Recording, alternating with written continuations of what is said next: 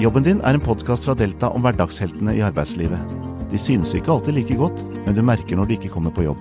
Her vil du treffe alle typer mennesker, oppleve lidenskapen de har for jobben sin, og utfordringene de møter hver eneste dag. Mitt navn er Per Tamberg, og jeg jobber i kommunikasjonsavdelingen i Delta. I denne episoden er vi på en adresse som er svært godt kjent for partene i arbeidslivet, nemlig Grensen 3 i Oslo. Det er hit arbeidstakere og arbeidsgivere tusler når de ikke blir enige i tariffoppgjørene. For her bor nemlig Riksmekleren. Takk for at vi fikk komme på besøk, Mats Wilhelm Ruland. Det er bare hyggelig. De aller fleste har nok hørt om Riksmekleren, men det er ikke sikkert alle vet hva du egentlig gjør. Kan du forklare hva jobben din egentlig går ut på? Riksmekleren er et lite statlig embete, og vår oppgave er definert i arbeidstvistloven. Det er slik at partene i arbeidslivet, arbeidsgiver- og arbeidstakersida, de forhandler om innholdet i tariffavtalene. Og der de ikke kommer til enighet, så er det tvungen mekling etter arbeidstvistloven. Da må de komme hit til grensen til Riksmekleren, og så bistår vi dem i å forsøke å finne en løsning gjennom mekling. Og så er det slik at der det, de fleste meklingene ender i en enighet mellom partene. Det kan enten være ei forhandlingsløsning der partene kommer til enighet, eller det kan være at Riksmekleren legger fram ei skisse, og, så blir den akseptert av partene. Og blir de ikke enige i mekling, da er det konflikt. Men heldigvis er det ganske sjelden at det ender med konflikt. Da du ble utnevnt til riksmekler i november 2018, så leste jeg et intervju hvor du sa at du hadde fått drømmejobben. Hva mente du med det? Med drømmejobben mente jeg at det her er nok den jobben du kan ha som er mest variert, mest utfordrende, og samtidig så møter du så utrolig mange spennende mennesker fra alle yrkesgruppene som finnes i samfunnet. Og det er veldig lærerikt interessant. Føler du at du liksom sitter og du speiler samfunnet på en måte? Det gjør du helt klart. Du ser virkelig et sånt tverrsnitt av samfunnet her. Du har alt fra de som er nederst på gulvet til den øverste bedriftsleder i de største bedriftene i landet. Og det er kjempeinteressant. Du kan lære mye, og du møter veldig mange flotte mennesker. Da statsråden, altså Anniken Hauglie, utnevnte deg, så, så sa hun annet at du har solid faglig kompetanse, arbeidserfaring og personlige egenskaper som gir deg gode forutsetninger for å fungere godt som riksmekler. Hva tror du hun mente med personlige egenskaper som gjør deg spesielt egnet? Det vet, Når statsråden har sagt det, så vet hun forhåpentligvis det er bedre enn meg, men jeg håper jeg har noen personlige egenskaper som gjør at jeg får tillit hos de som kommer hit. Det handler jo om å møte alle seriøst, ha respekt for de som kommer hit, være lydhør for de kravene og posisjonene de har, og prøve å god, hjelpe dem å finne en god løsning. Og Det gjelder jo både arbeidstaker- og arbeidsgiversida. Tror du, Kjenner du på at du har én spesiell egenskap som du tror er, er veldig god å ha i denne jobben? Det er vanskelig jeg syns det er vanskelig å si, jeg har ikke lyst til å være selvhevdende heller, men jeg er nok ganske flink å snakke med mennesker. Det tror jeg er en av mine styrker som, som person. Vi skal komme tilbake til jobben, vi må få vite litt mer hvem Mats Wilhelm Ruland egentlig er. Jeg vet at du er 42 år, og jeg mistenker at dialekten din kommer fra et eller annet sted på Nordvestlandet, stemmer det? Det er helt riktig. Det er blitt ei bastarddialekt etter godt over 20 år i Oslo, men jeg er opprinnelig fra en liten plass på Sunnmøre, ikke så langt fra Ålesund. Når du kjører til Ålesund, da kjører du forbi det. Jeg pleier å si det siste veikrysset før du er i Ålesund. Det er ikke helt riktig, men omtrent. Der er jeg vokst opp, men nå har jeg bodd lenger i Oslo enn jeg har gjort på Sunnmøre, dessverre. Sunnmøre er jo Norges fineste plass, så klart. Vi østlendinger fleiper av og til med sunnmøringer og sier at, uh, hevder at dere kanskje er litt gjerrige og, og, og litt tilbakeholdne. Sånn. Passer det i en meklerrolle, kanskje?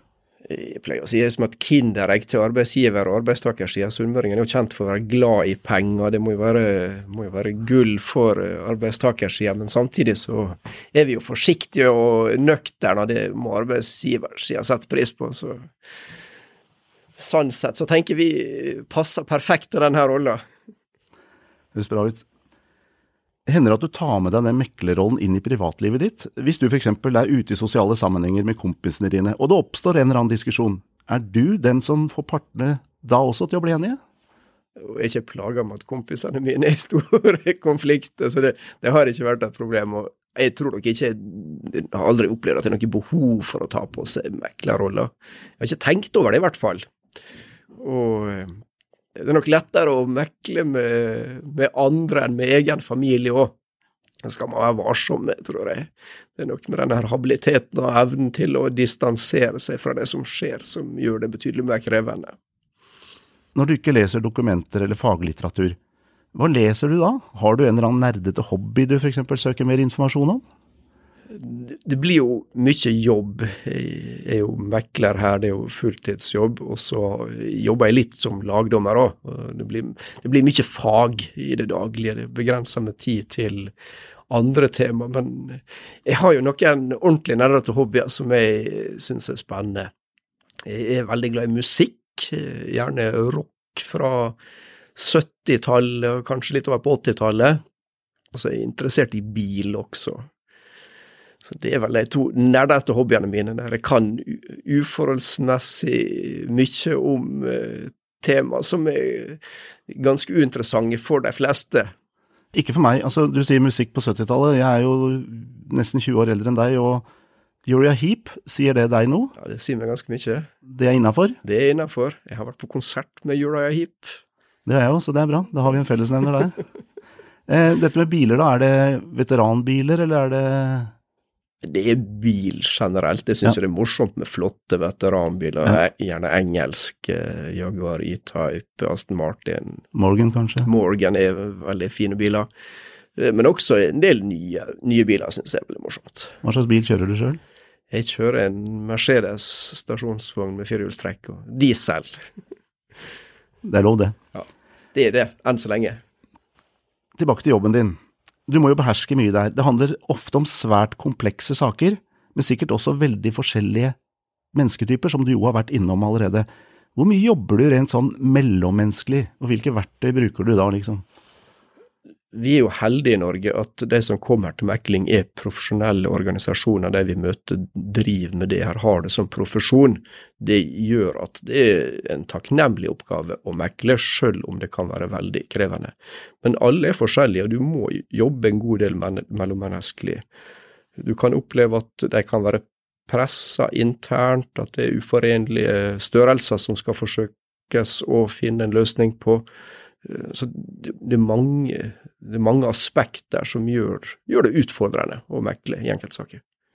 Men er dette med samspillet mellom mennesker er det også en spennende del av jobben, i tillegg til selve saken? Det er jo noe av det mest spennende med jobben, å se det samspillet mellom, eh, mellom mennesker. De forskjellige kulturene og også interessene de skal ivareta. Det er den dynamikken som gjør det her kjempespennende. Sammenholdt med så klart hva det dreier seg om de ulike yrkesgruppene. Vi som oftest ser dette litt utenifra, det virker jo veldig seriøst, og det skal det selvfølgelig være. Men er det noe humor inni meklingen? Altså, Vitses det litt etter midnatt f.eks. og sånn? Er det noen av partene som utmerker seg med gode replikker? Fleipes det noe? Ja, det, det, er god stemning. Det er veldig mye alvor, og det kan være betydelig alvor, det kan være høy temperatur, men det er også mye humør. og Det tror jeg er nødvendig for å lette på trykket underveis i meklinga. Har man ikke den, den, muligheten, så ville det ha vært Jeg tror det ville vært umulig. Og det er viktig for mekler å holde humøret til partene oppe, at de ikke går sur og blir frustrerte. Så det, det er jo taushetsplikt, så jeg kan ikke gå inn i konkrete situasjoner, men det er veldig mye humor det er det ingen tvil om. Og det er mange som er, har den gode replikken. Det er ikke bare Mekler har det ofte, og, men mange av partene òg har det. Jeg skal ikke si at det, jeg tror ikke det er noen som utmerker seg, det kan variere fra mekling til mekling, f.eks. Hvem som har den gode replikken på lur. Men det, det, er mange gode historier fra Grensen 3. Det er bra. Du får lage bok en eller annen gang. Ja, jeg er usikker på om jeg bør. um, Hva opplever du sånn helt overordnet som de største utfordringene i en mekling, og hvordan jobber du for å løse disse? Ingen meklinger er lik, så det er vanskelig å si hva som er den største utfordringa i en mekling. Men det er jo det å prøve å finne ei løsning, en mellomløsning på, på to tilsynelatende uforenlige posisjoner. Det er det som er krevende. Og særlig hvis du har få tema i meklinga, der du har litt få variabler å spille på, så gjør det meklinga mye mer krevende. Da står man ofte og stanger mot hverandre i større grad enn der du har mange tema. Eh, samtidig så kan det være så mange tema at eh, oppgaver kan synes uoppnåelig når du starter, men stort sett så går det her veldig bra. Noen, eller jeg har kanskje en liten oppfatning, det kan godt hende den er feil, at meklerne er oftere inne i oppgjør nå enn tidligere. Gir partene opp for raskt? Er arbeidslivet i ferd med å bli så komplisert at de oftere har behov for bistand, eller sitter jeg med et feil inntrykk? Det er nok ganske stabilt antall meklinger, i hvert fall hvis du ser de siste ti åra, så er det forholdsvis jevnt med saker hos Riksmekleren. Og det er betydelig i år mellom mellomoppgjør. Da er det som utgangspunkt De fleste skal bare mekle økonomi. Eh, da er det mange færre som kommer til mekling enn det er et hovedoppgjør, der det er full revisjon av en tariffavtale, og alle punkter i tariffavtalen skal, skal mekles. Eh, men i fjor var det Det er jo ingen regel uten unntak. I fjor var samordna oppgjør. Det var rekordlavt antall meklinger hos Riksmekleren i fjor, fordi oppgjøret var samordna. Eh, vi får se hvordan det her blir. Det vi ser er at det kommer mange til mekling ved opprettelse av tariffavtale. Om det er en tendens er kanskje for tidlig å si, men det gjøres nå i stor grad, i hvert fall. Men det her vil, vil, variere over tid. Det har nok noe å si hvor krevende arbeidslivet er, hvor godt går norsk økonomi. Går norsk økonomi veldig godt, så er det få som kommer til mekling. Eh, samtidig, når vi så under finanskrisa, eh, så var det enkelte bransjer som ikke kom til mekling, at de løste det internt. At du hadde en stor grad av fleksibilitet og løsningsvilje hos både arbeidsgiver og arbeidstaker for å komme ut av den krisa bransjen var i. Det er mye ansvarlighet hos partene i arbeidslivet. Det er viktig å understreke. Er du selv organisert? Jeg er organisert. Jeg er medlem av Juristforbundet, og så er jeg medlem av Den norske dommerforening. Det er obligatorisk medlemskap. Du har ikke vært i streik, regner jeg med? Jeg har ikke vært i streik. Vi, dommerne har ikke streikerett. Og jeg tror ikke vi hadde vært tjent med å uansett med å streike heller. Har du noen forbilder blant dine forgjengere på dette kontoret? Det har jo vært mange opp igjennom? Det har vært mange dyktige riksmeklere i landet her. Mitt store forbilde er jo Dalseide, som var min forgjenger, som jeg også har vært mekler under. Han er et stort forbilde for mange. Var en veldig faglig dyktig person, men også et raust menneske med noen utrolig medmenneskelige egenskaper som de fleste kan være misunnelige på. Han hadde evnen til å inspirere, han var veldig villig til å dele sin kunnskap med de som jobber sammen med han. Og det, det er en god egenskap når du er leder det å være litt raus er kanskje generelt en god egenskap som er, er eh, generelt en veldig god egenskap, men noen er det i større grad enn andre.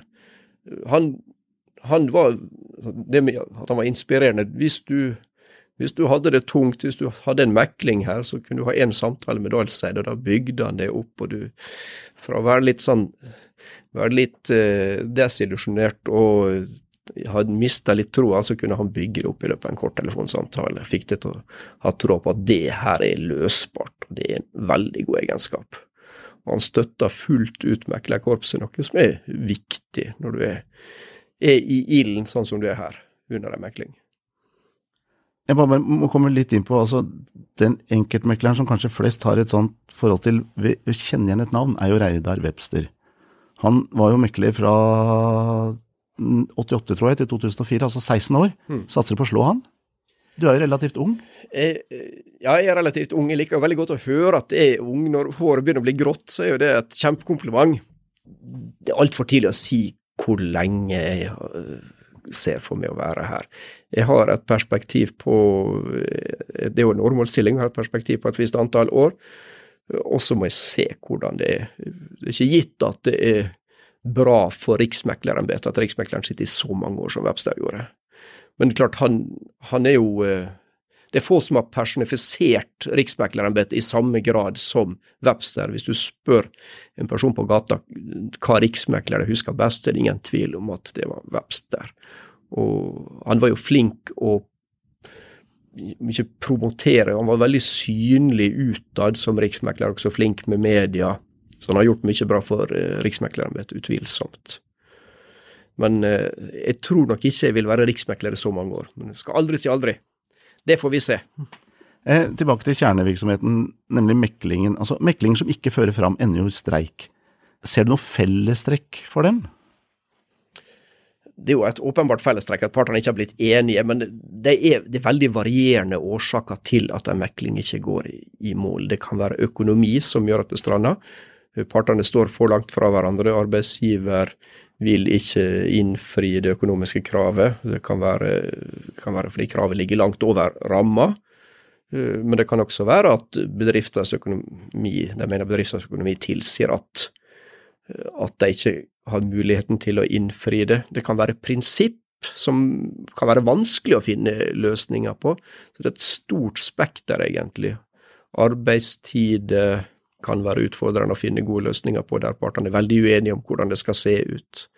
Det er ikke nødvendigvis noe felles trekk, det er veldig stor variasjon i det her, hvordan det ser ut. Og Det er jo sterke interesser som står bak posisjonene til partene også. Og det er forståelig ofte at partene har de posisjonene de har. Og Det er da vi må prøve å finne de gode løsningene. Tar du det som et nederlag om en mekling ender i streik, eller ser du på det som en naturlig del av mekanismen i arbeidslivet? Det er en naturlig del av mekanismen i arbeidslivet, og konfliktretten både for arbeidsgiver og arbeidstaker må stå sterkt. Det er modellen vi har her i samfunnet. Men jeg er likevel særdeles misfornøyd. Vi har jo som mål å at det skal være færrest mulig konflikter, og mener at samfunnet er tjent med det. Eh, men, eh, så det, det, har jo med ærgjerrighet å gjøre eh, også, og yrkesstolthet. Vi, vi, er jo ikke fornøyd når det blir, blir konflikt, men det, vi har stor respekt for det hos Riksmekleren, og det er en naturlig del av, av de mekanismene vi har i samfunnet også. Så man skal ha respekt for konfliktretten, utvilsomt. Jeg undres av og til på at hvorfor er det alltid meklingsfrist ved midnatt, slik at mekling på overtid alltid skjer på natta? Er det bevisst for at partene da kanskje er litt mørere, slitne?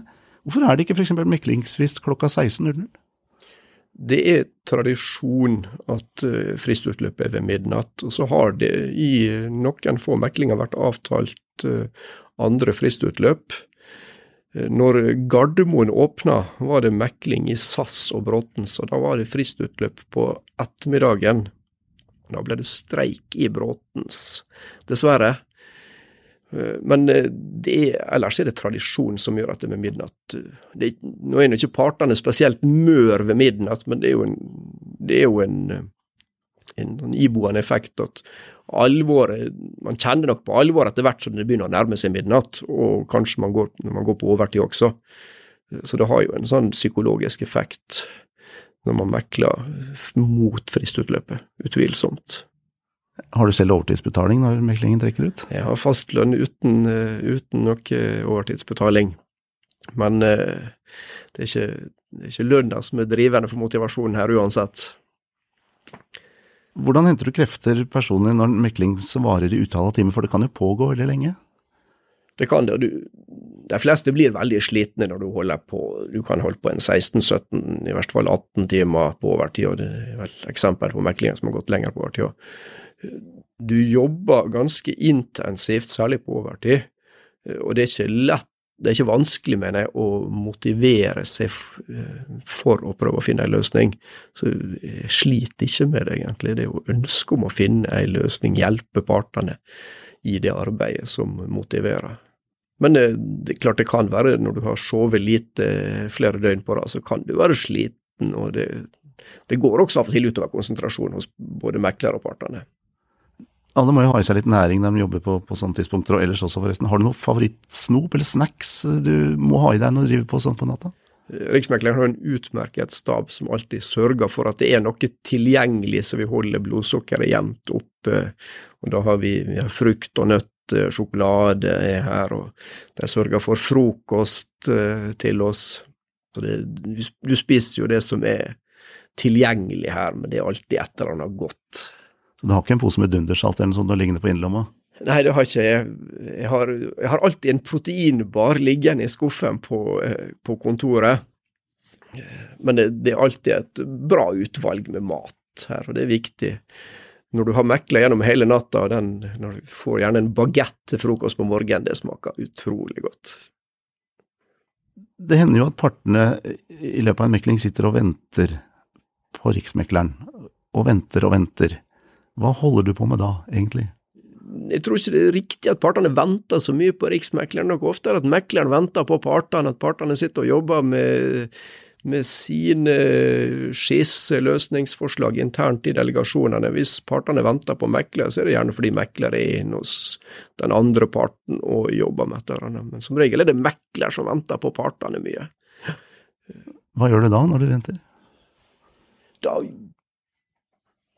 er opptatt av å holde tak i meklinga, passe på å drive den fram. Så jeg har løpende kontakt med partene. Jeg går gjerne rundt og snakker med de i delegasjonene, eller snakker med forhandlingslederne, for å ha tak i meklinga og drive prosessen framover. Det er viktig. Og av og til, vi, av og til så har jo de behov for å jobbe innad i delegasjonen, og ønsker ikke der og da å ha kontakt med meklere. Da, hvis vi er flere meklere, så legger vi strategier og planer for meklinga videre. Eh, men enkelte ganger så sitter vi og prater med, med staben hos Riksmekleren også. I løpet av en sånn mekling så er vi som jobber i den bransjen opptatt at da, da kan, kan ingen annen enn Riksmekleren uttale seg. Du blir dratt ut på gangen på direkte TV med jevne og ujevne mellomrom. Og du skal jo se eh, fin og flott ut og opplagt ut. Har du skift med det på jobben? Jeg skifter nok ikke antrekk for å gå ut og snakke med media under en mekling. Du er alltid pent kledd under meklinga med skjorte og slips og gjerne dress. Så, men jeg har alltid skift på jobben, men det er ikke sånn at du har behov for å skifte for å gå ut og snakke med media. Men eh, du må ut og snakke med presten på et eller annet tidspunkt, gjerne du ser jo at du har jobba eh, ganske intensivt, og det er ikke alltid at mekler ser like opplagt ut. og Det er jo realiteten også. Det gjenspeiler hvordan det er i meklinga, tror jeg. Mekling eh, mellom parter i arbeidslivet foregår jo på, som vi har vært litt inne på det, på en veldig tradisjonell måte. Mange mennesker møtes, kanskje for mange vil enkelte hevde, det sirkulerer mye papirer, de ulike delegasjonene går kanskje en tur tilbake til kontoret sitt i andre deler av Oslo i løpet av meklingen osv. Nå som vi nærmer oss år 2020, diverse teknologier og nye kommunikasjonsverktøy er tilgjengelig. Hvordan ser du for deg at meklingsrutinene kan moderniseres? Det er jo noe vi vil jobbe med framover, men det, Riksmekleren må jo oppgradere deler av utstyret her i grensen. Det er en prosess vi er i gang med.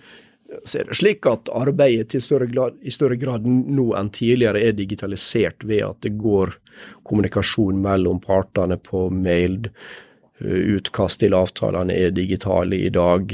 Vi får oversendt meklingsdokumentasjon elektronisk som regel også.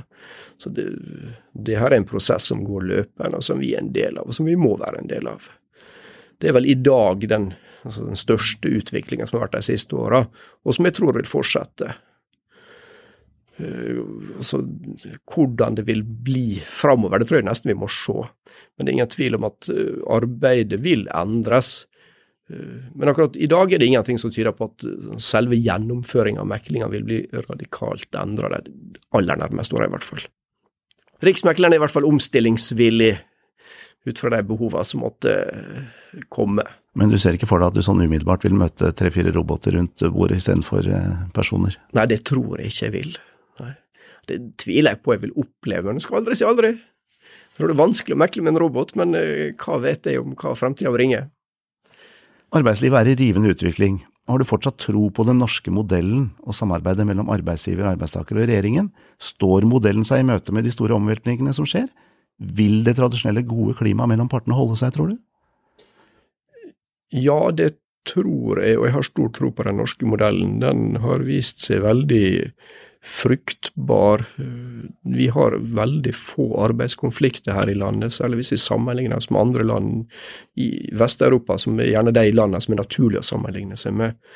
Det er nok eh, ganske åpenbart at den norske modellen sikkert vil endre seg på sikt. Det er ikke gitt at den vil se ut eh, helt lik om ti år som den gjør i dag. Men den har vist seg å være veldig bra. Den er bra for produktivitet makten i samfunnet. Så jeg har tro på at den vil, vil altså Vi vil dyrke den videre framover også. Eh, du sa i stad at eh, jobben som riksmekler tar jo, tar jo nesten all tid, men du er jo fortsatt lagdommer, altså dommer i lagmannsretten. Får du tid til å virke den posisjonen nå også?